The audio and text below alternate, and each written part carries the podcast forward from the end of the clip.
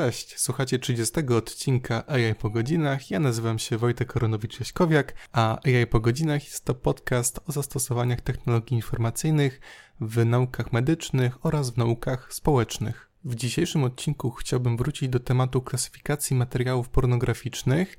Nie od tej strony, może nawet poświęconej seksuologii sądowej i tym wszystkim rozważaniom, które wiążą się z tym, jak wykorzystać te algorytmy, jak wykorzystać te modele już właściwie do opiniowania sądowo-seksuologicznego, tylko chciałbym się skupić na tym, co mi się właściwie udało samemu oraz razem z moimi kolegami i koleżankami w ostatnim czasie zrobić w tej kwestii. Wydaje mi się, że w jednym z pierwszych odcinków mówiłem o pracy naszego zespołu Sex Eye Lab, czyli o laboratorium sieci neuronowych. To laboratorium powstało w wakacje zeszłego roku.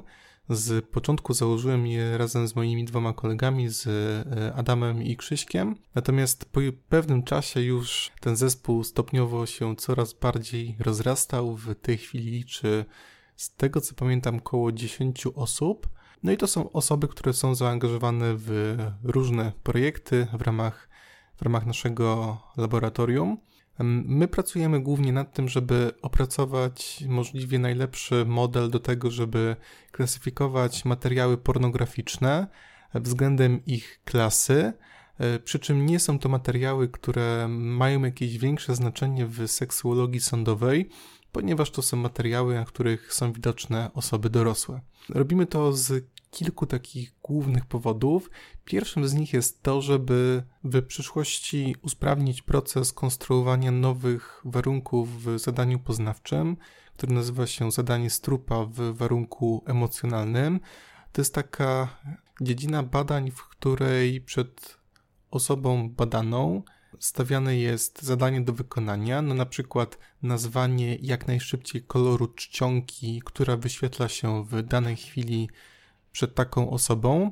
I oczywiście można różnorodnie wpływać na to, jak taka osoba to zadanie rozwiąże, pokazując jej na przykład jakieś obrazy o określonym wydźwięku. I jeżeli na przykład, to pewnie też możecie sami się tego domyśleć, jeżeli przed osobą, która deklaruje na przykład preferencje fetyszystyczne, przed takim słowem, bodźcem do tego, żeby to słowo nazwać, nazwać słowo kolorem czcionki, która została użyta, takie słowo zostanie na przykład poprzedzone zdjęciem, na którym będzie jakiś fetysz, który dla takiej osoby ma jakieś specjalne znaczenie, no to po prostu ten czas odpowiedzi się wydłuża. Tutaj problemem przy tego typu badaniach jest to, że w tych różnych warunkach eksperymentalnych powinno się dążyć do tego, żeby zmaksymalizować liczbę zdjęć, które są prezentowane danej osobie oraz najlepiej w całej tej grupie kilkudziesięciu osób.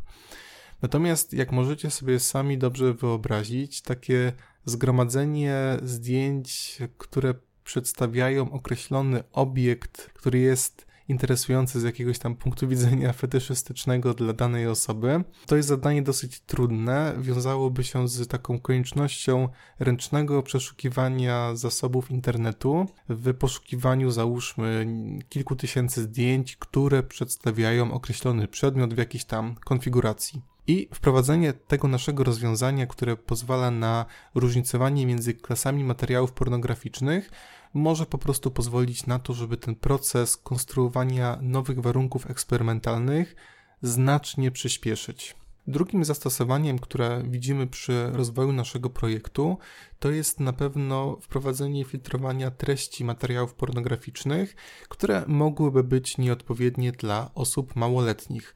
Oczywiście takie filtry już istnieją, no chociażby w Google, tam wyszukując obrazy, możemy zobaczyć w prawym górnym rogu tam, że jest włączony lub wyłączony filtr Google'a Safe Search, chyba się nazywa, i to jest filtr, który pozwala na mm, właśnie odfiltrowanie tych treści, które mogą być nieodpowiednie dla małoletnich, albo, albo po prostu dla osób, które nie chcą oglądać bardziej drastycznych lub, lub takich obrazów, które mają jakiś podtekst y, seksualny. Natomiast to, co będzie można zrobić z naszym modelem, czego aktualnie jeszcze nie ma w tych filtrach, które są wykorzystywane tak powszechnie w wyszukiwarkach internetowych albo po prostu w, na różnych stronach internetowych jest to, że te filtry nie uwzględniają za bardzo materiałów fetyszystycznych. One są po prostu skoncentrowane na tym, żeby odfiltrowywać, załóżmy, treści, na których jest pokazana w jakimś mniejszym lub większym stopniu nagość. Natomiast jeżeli zdjęcie ma ewidentnie podtekst seksualny, który może nie być odpowiedni do tego, żeby, żeby oglądały je osoby małoletnie, ale na przykład na tym zdjęciu nie ma właśnie widocznej nagości, no to takie zdjęcie nie będzie odfiltrowane przez wyszukiwarkę albo właśnie na różnych stronach internetowych. Tego siłą tego naszego modelu jest to, że może różnicować zarówno te materiały fetyszystyczne, na przykład materiały z zakresu BDSM, od materiałów takich, na których jest pokazany stosunek seksualny albo na których żadnego stosunku nie ma, ani również nie ma ukazanej nagości. No i oczywiście trzecim rozwiązaniem takim praktycznym, które, które tutaj widzimy przy rozwoju naszego projektu, trochę się z tego śmiejemy, ale mówimy o tym, że jak jeszcze tylko trochę dopracujemy ten algorytm i wprowadzimy jeszcze większą liczbę klas, trochę jeszcze poprawimy architekturę naszego modelu, no to sprzedamy go za kilka milionów do jakiegoś serwisu typu Pornhub albo do innej, albo do innego serwisu, który oferuje materiały pornograficzne, no bo to będzie narzędzie, które znacznie przyspieszy im proces kategoryzacji zdjęć czy też filmów do określonych kategorii materiałów pornograficznych. Tak jak powiedziałem chwilę temu, zespół zaczął pracować w wakacje zeszłego roku. Od tego momentu wydaliśmy pierwszą wersję naszego modelu SAI. Od tego czasu um, tych iteracji tego modelu pojawiły się cztery. Przez ten okres już ponad pół roku wydaliśmy cztery wersje robocze modelu, uzupełniając go o określone klasy materiałów pornograficznych. W tej chwili mamy ich około 10, jak i również poprawiając parametry tego modelu, no chociażby poprzez modyfikację architektury samej sieci neuronowej, która jest przez nas wykorzystywana. Pamiętam, że o tym mówiłem w jakimś jednym z poprzednich odcinków, ale tak jeszcze w ramach krótkiego przypomnienia. Ten nasz pierwszy model, który został opublikowany i opisany w publikacji naukowej, to był przegląd seksuologiczny. Umożliwiał klasyfikację siedmiu typów materiałów pornograficznych z taką dosyć średnią skutecznością. Z tego co pamiętam, to było w okolicach 70%. No i to były takie kategorie, jedne z popularniejszych, jakie można odnaleźć na stronach z z materiałami pornograficznymi, m.in. aktywność seksualna, aktywność seksualna grupowa, BDSM, ABDL, czy też na przykład kategorie, które się odnosiły do fetyszyzmu. To był model, który został na początku opublikowany, taki pierwszy, pierwszy już działający, który można było wykorzystać i wdrożyć do danych rozwiązań. Z tego co pamiętam, to ten model został opublikowany mniej więcej w czerwcu albo w lipcu zeszłego roku. Od tego czasu doczekał się swoich kolejnych, kolejnych iteracji. One już są dostępne do, do zobaczenia, do użycia również w swoich badaniach. Mm, nie zostały jeszcze opisane w ramach publikacji naukowych. W tej chwili mamy chyba trzy publikacje, które znajdują się gdzieś na różnych etapach, czy to na etapie bycia pracami, które są recenzowane, czy też na tym etapie, w których jeszcze redakcja przygląda się danemu artykułowi, żeby stwierdzić, czy on się nadaje do recenzji, czy też się nie nadaje. I to są takie iteracje, które są już o wiele bardziej złożone i w których ten proces konstruowania baz danych, jak również podejście do modyfikacji architektury jest po prostu bardziej, bardziej złożone. O ile na przykład w tym pierwszym modelu, który został wydany w zeszłym roku, w czerwcu, w lipcu, sam materiał, z którego była później trenowana sieć neuronowa, był tak bez jakiejś większej refleksji wklejany jako, jako materiał, z którego uczyła się ta sieć, był tylko po prostu przeglądany przez wtedy jedną osobę pod takim kątem, czy zdjęcie ma odpowiednią jakość do tego, żeby go włączyć do materiału treningowego, czy też do materiału walidacyjnego, to w e, kolejnej iteracji, w iteracji 0304, tutaj już przyłożyliśmy o wiele większą wagę do tego, żeby w taki właściwy sposób dobrać ten materiał, który jest używany do treningu i do walidacji sieci. To był znowu materiał, który był pobierany z internetu, natomiast nie było to już takie pobieranie w sposób taki półautomatyczny przy użyciu odpowiednich wtyczek, które po prostu pobierają określony typ zdjęć po zadanych słowach kluczowych, tylko to był materiał, który był ręcznie pobierany ze stron internetowych, na których mm, głównym celem jest wstawianie zdjęć z różnych typów materiałów pornograficznych. Staraliśmy się ten materiał dobierać tak, żeby był w jak największym stopniu zróżnicowany, żeby odpowiadał rzeczywistej charakterystyce materiałów pornograficznych, żeby nie był tendencyjny w jeden czy w drugi sposób. To też tą bazę danych akurat w w iteracji 03 Sex Act tworzyło, tworzyły już trzy osoby. Każda z nich miała przygotować po, z tego co pamiętam, pół tysiąca zdjęć z danej kategorii materiałów pornograficznych, ale to, co jeszcze tak zrobiliśmy takiego dodatkowego, czego nie było przy tym pierwszym pilotażowym modelu sieci neuronowej, było to, że tym razem każde ze zdjęć było opisane w swojej bazie danych. Każde zdjęcie miało swój przyporządkowany numer i do każdego zdjęcia określaliśmy w nim, czy znajduje się dany atrybut, czy też się nie znajduje. Na przykład mieliśmy 9 czy tam kilka, kilka kategorii materiałów pornograficznych. Mieliśmy kategorie wspólne dla nich wszystkich. No na przykład e, ile osób znajduje się na danym zdjęciu, albo na przykład czy na zdjęciu znajduje się mężczyzna, kobieta, czy też mężczyzna i kobieta, czy na zdjęciu znajdują się e, elementy anatomiczne, które braliśmy pod uwagę? I też były kategorie specyficzne dla określonych kategorii materiałów pornograficznych.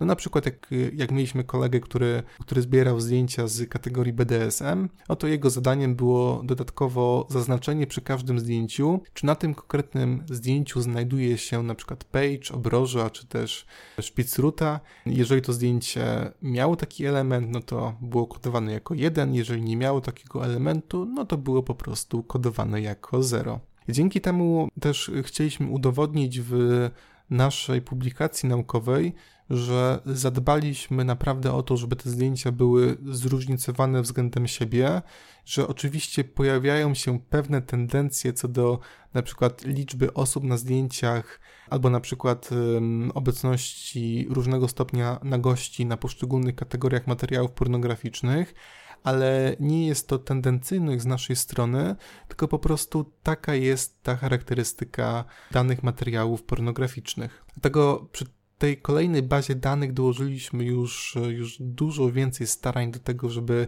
ta baza była naprawdę w większym stopniu dostosowana do tego, żeby odpowiadać no, tym zdjęciom, których w przyszłości sieć nie będzie, nie będzie już widziała i żeby w mm, adekwatny sposób podchodziła później do ich klasyfikacji do odpowiedniej klasy. Wspominałem o tym, że ten e, pierwszy pilotażowy model został już opublikowany w przeglądzie seksuologicznym, natomiast druga iteracja, czyli SAI 02, jest obecnie na etapie recenzji. To jest taki model, który został trochę w takim niewielkim stopniu poprawiony w stosunku do pierwszej wersji. Tutaj natomiast dalej pojawił się ten problem związany z tym, że klasyfikacja zdjęć do danych typów materiałów pornograficznych była robiona tylko przez jedną osobę, przez co również jakość tych zdjęć nie była, nie była aż, tak, aż tak wysoka jak przy naszych kolejnych pracach. Natomiast to jest dosyć ważny model, ponieważ on się skupia na takim problemie potencjalnych zastosowań w seksuologii sądowej.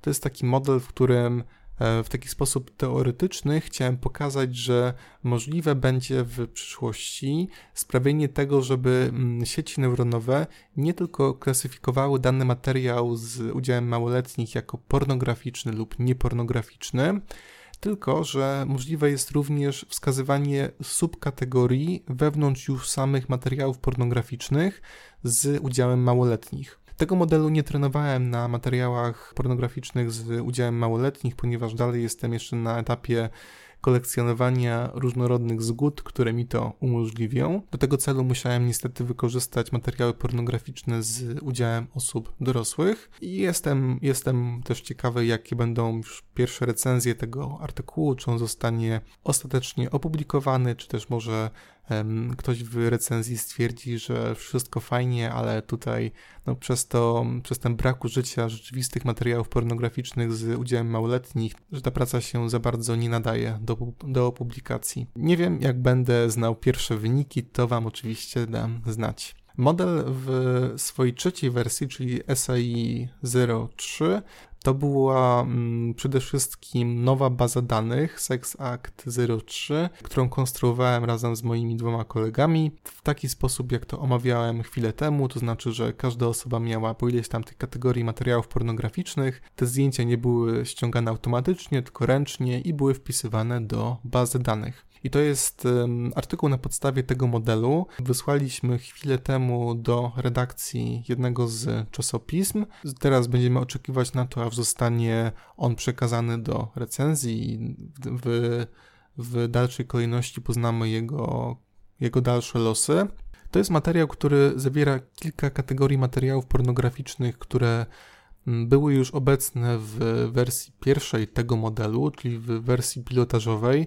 Mowa jest tutaj o kategorii ABDL, BDSM, fetyszyzm stopy, fetyszyzm e, podkolanówki. Natomiast e, dodaliśmy również e, kilka nowych klas, między innymi kategorię akrotomofilii, kategorię, która odnosi się do fetyszyzmu związanego ze szpilkami lateksem i jak również graviditofilię. Wyjaśniając te pojęcia, o których mówiłem chwilę temu, czyli akrotomofilię, to jest taka parafilia, w której do większego pobudzenia seksualnego dochodzi wtedy, kiedy albo się obserwuje, albo, albo na przykład wyobraża sobie ktoś osoby, które nie mają kończyn, to mogą być, to, to może być brak kończyny górnej, dolnej, to już w zależności, wydaje mi się, od preferencji danej osoby. Natomiast jeżeli chodzi o tą drugą nazwę, czyli o, o graviditofilię, to jest taka parafilia, w której do, znowu do większego pobudzenia seksualnego dochodzi wtedy, kiedy ktoś sobie wyobraża, osobę, kobietę, po której widać, że jest w ciąży. Usunęliśmy natomiast kilka kategorii, które były w tym modelu pilotażowym. Po pierwsze, tą kategorię aktywności seksualnej animowanej. Tutaj z różnych względów, ale miałem jednak najwięcej wątpliwości co do, co do tej możliwości prawnej wykorzystania tego typu materiałów i jak również usunęliśmy aktywność seksualną grupową. Przed przeprowadzeniem właściwych badań sprawdziliśmy e, na kilku architekturach sieci neuronowych, no na na ResNecie 152, 101, na VGG 19, 16 oraz na Squiznecie. Jaka architektura bazowa będzie najlepsza później już do, do dokonywania następnych, następnej modyfikacji hiperparametrów już na tej bazowej architekturze. E, no i tutaj myślę, że bez większego zaskoczenia dla Was będzie to, że tym modelem, który okazał się w największym stopniu e, gwarantować najwyższy Najwyższy odsetek poprawnej klasyfikacji to jest model ResNet 152. On też później ulegał przeuczeniu z tych wszystkich modeli, z tych wszystkich architektur, które, które wymieniłem chwilę temu. To, co zrobiliśmy jeszcze w dalszej kolejności, to usuwaliśmy z kolejnych modeli poszczególne kategorie materiałów pornograficznych, sprawdzając następnie dokładność klasyfikacji, po to, żeby sprawdzić, czy jest na przykład jakaś kategoria, która jakoś tak nam tak szczególnie negatywnie wpływa na tą naszą klasyfikację. Tak naprawdę okazało się, że te wszystkie kategorie mm, wpływają w prawie że jednakowym stopniu na dokładność klasyfikacji. Nie było na przykład takiej sytuacji, że po odjęciu danej kategorii nagle nam dokładność sieci nie wiem, jakoś tam wzrosła do 95 do 96%. Ona raczej tak oscylowała w tych granicach 88-91%. I jak już wybraliśmy tą naszą architekturę bazową, następnie ją trochę zmodyfikowaliśmy, to wszystko też opisałem w pracy naukowej i doszliśmy z dokładności wynoszącej 90% ostatecznie do 92%. I to jest dokładność klasyfikacji przy tych wszystkich klasach, które wymieniłem chwilę temu. Czyli już tutaj w porównaniu z tym pierwszym modelem, który, który został zaprezentowany jako model pilotażowy, tu się udało uzyskać znacząco wyższą dokładność klasyfikacji. Udało się również wprowadzić nowe klasy, których nie było nie było w poprzednim modelu oraz usunąć te, które nam się wydawały niewarte tego dalszego rozwijania. Natomiast y, brakowało jednej rzeczy, brakowało tego, żeby wprowadzić do tego modelu jeszcze zdjęcia kobiet, ponieważ na naszych zdjęciach tych pornograficznych zdecydowana większość materiałów przedstawiała kobiety, ale kobiet, które nie uczestniczą ani w aktywności seksualnej, ani również nie są e, ubrane w jakiś nietypowy sposób i nie są również rozebrane na tych zdjęciach. Czyli taką kategorię powiedzielibyśmy kontrolną, która pozwalałaby na różnicowanie między po prostu zdjęciami kobiet o charakterze niepornograficznym, a zdjęciami o charakterze pornograficznym, zarówno tym z ukazywaniem nagości, jak i również z pornografią fetyszystyczną. Do tego było nam potrzebne zgromadzenie kolejnej bazy danych, tym razem właśnie przedstawiającej po prostu zdjęcia kobiet. To już była okazja do tego, żeby wprowadzić kolejne zmiany do modelu i to już jest ten, ten model, który mamy w obecnej chwili, czyli model SAI 04, czyli model uzupełniony o kategorię zdjęć niepornograficznych, czyli tą kolejną dziesiątą klasę między między którymi różnicujemy zdjęcia pornograficzne. Między innymi to jest kolejny krok do tego, żeby przygotować ten model do filtrowania treści, które mogą być nieodpowiednie dla osób małoletnich, ponieważ jedną rzeczą jest zdolność do różnicowania między różnymi klasami zdjęć materiałów pornograficznych, a jeszcze inną rzeczą jest nauczenie modelu właściwie co tymi zdjęciami pornograficznymi tak ogólnie jest, a co tymi zdjęciami nie jest. To już był model, który robiłem z innym zespołem. Również jesteśmy na tym etapie przygotowania już takiego końcowego publikacji naukowej z tego zakresu. No i tutaj mogę zdradzić, że po dodaniu tej kolejnej klasy, czyli tej klasy materiałów niepornograficznych. Po pierwsze udało się osiągnąć dokładność wynoszącą prawie 96% klasyfikacji pomiędzy pomiędzy zdjęciami pornograficznymi a niepornograficznymi. Tylko tutaj jest e, uwaga, że to była klasyfikacja binarna, to znaczy albo jest pornografią, albo nie jest. Gdybyśmy tutaj zrobili takie podejście multiklasowe, to pewnie by się okazało, że ta, że ta dokładność klasyfikacji jest albo taka sama jak w tej, w tej iteracji trzeciej naszego modelu, albo jest trochę niższa, natomiast do takiego prostego różnicowania między zdjęciami pornograficznymi a niepornograficznymi, no to jest taka już dokładność, e, powiedziałbym, zadowalająca, taka, która również odpowiada mm, innym badaniom podobnym, które były prowadzone z tego zakresu, ale jej siłą dodatkowo jest to, że nie jest to klasyfikacja tak naprawdę skupiona na wykrywaniu nagości na zdjęciu, tylko również skupia się na tych takich bardziej subtelnych zależnościach, czyli na wykrywaniu określonych materiałów fetyszystycznych. Także podsumowując tę naszą pracę przez ostatnie pół roku, na pewno nam się udało stworzyć model e, sieci neuronowej, który pozwala na różnicowanie między określonymi typami materiałów pornograficznych. W tej chwili tych materiałów mamy łącznie 10 czyli 10 materiałów o charakterze pornograficznym, jak i również ta dodatkowa jedna klasa, czyli klasa materiałów niepornograficznych, czyli łącznie 11 klas, między którymi ten model jest w stanie różnicować, z relatywnie wysoką dokładnością, taką, którą można by już gdzieś wykorzystać w filtrowaniu określonych treści na stronach internetowych, albo właśnie do takiego rozpoznawania materiałów pornograficznych i do automatycznej ich klasyfikacji. To oczywiście nie koniec, a wręcz dopiero początek. Ja na pewno będę te rozwiązania, które udało mi się wypracować przy pracy z tym modelem, przekładać również na seksuologię sądową wtedy, kiedy, tak jak powiedziałem chwilę temu, otrzymam, mm, otrzymam do tego stosowne zgody. Jak również na pewno będziemy dalej prowadzić pracę nad rozwijaniem naszego modelu. Na pewno mm, przydałoby się uzupełnienie go również o inne klasy materiałów pornograficznych, które można spotkać często na serwisach z materiałami pornograficznymi. Mm, przydałoby się również wprowadzenie klasy samej aktywności seksualnej jako takiej, czyli nie już fetyszystycznej, ani nie, nie zawierającej elementy, które które nie występują często na materiałach pornograficznych. Można by się również zastanowić nad wprowadzeniem klasy, która nie byłaby pornografią, byłaby bardziej erotyką, czyli po prostu przedstawianiem nagości kobiet oraz mężczyzn. No i to są, to są jakieś na pewno wstępne pomysły na to, co będziemy robić w przyszłości. Myślę, że też to wszystko, jak to się ładnie mówi, wyjdzie w praniu. Ważne jest na pewno to, że dobrze nam się współpracuje jako zespół, że pomimo tego, że trochę już razem pracujemy, to entuzjazm do tego modelu w nas nie wygasł, a wręcz przeciwnie, ciągle mamy nowe pomysły na to, jak dalej ten projekt rozwijać. Dziękuję Wam bardzo za wysłuchanie tego odcinka i do usłyszenia już w kolejny poniedziałek. Cześć!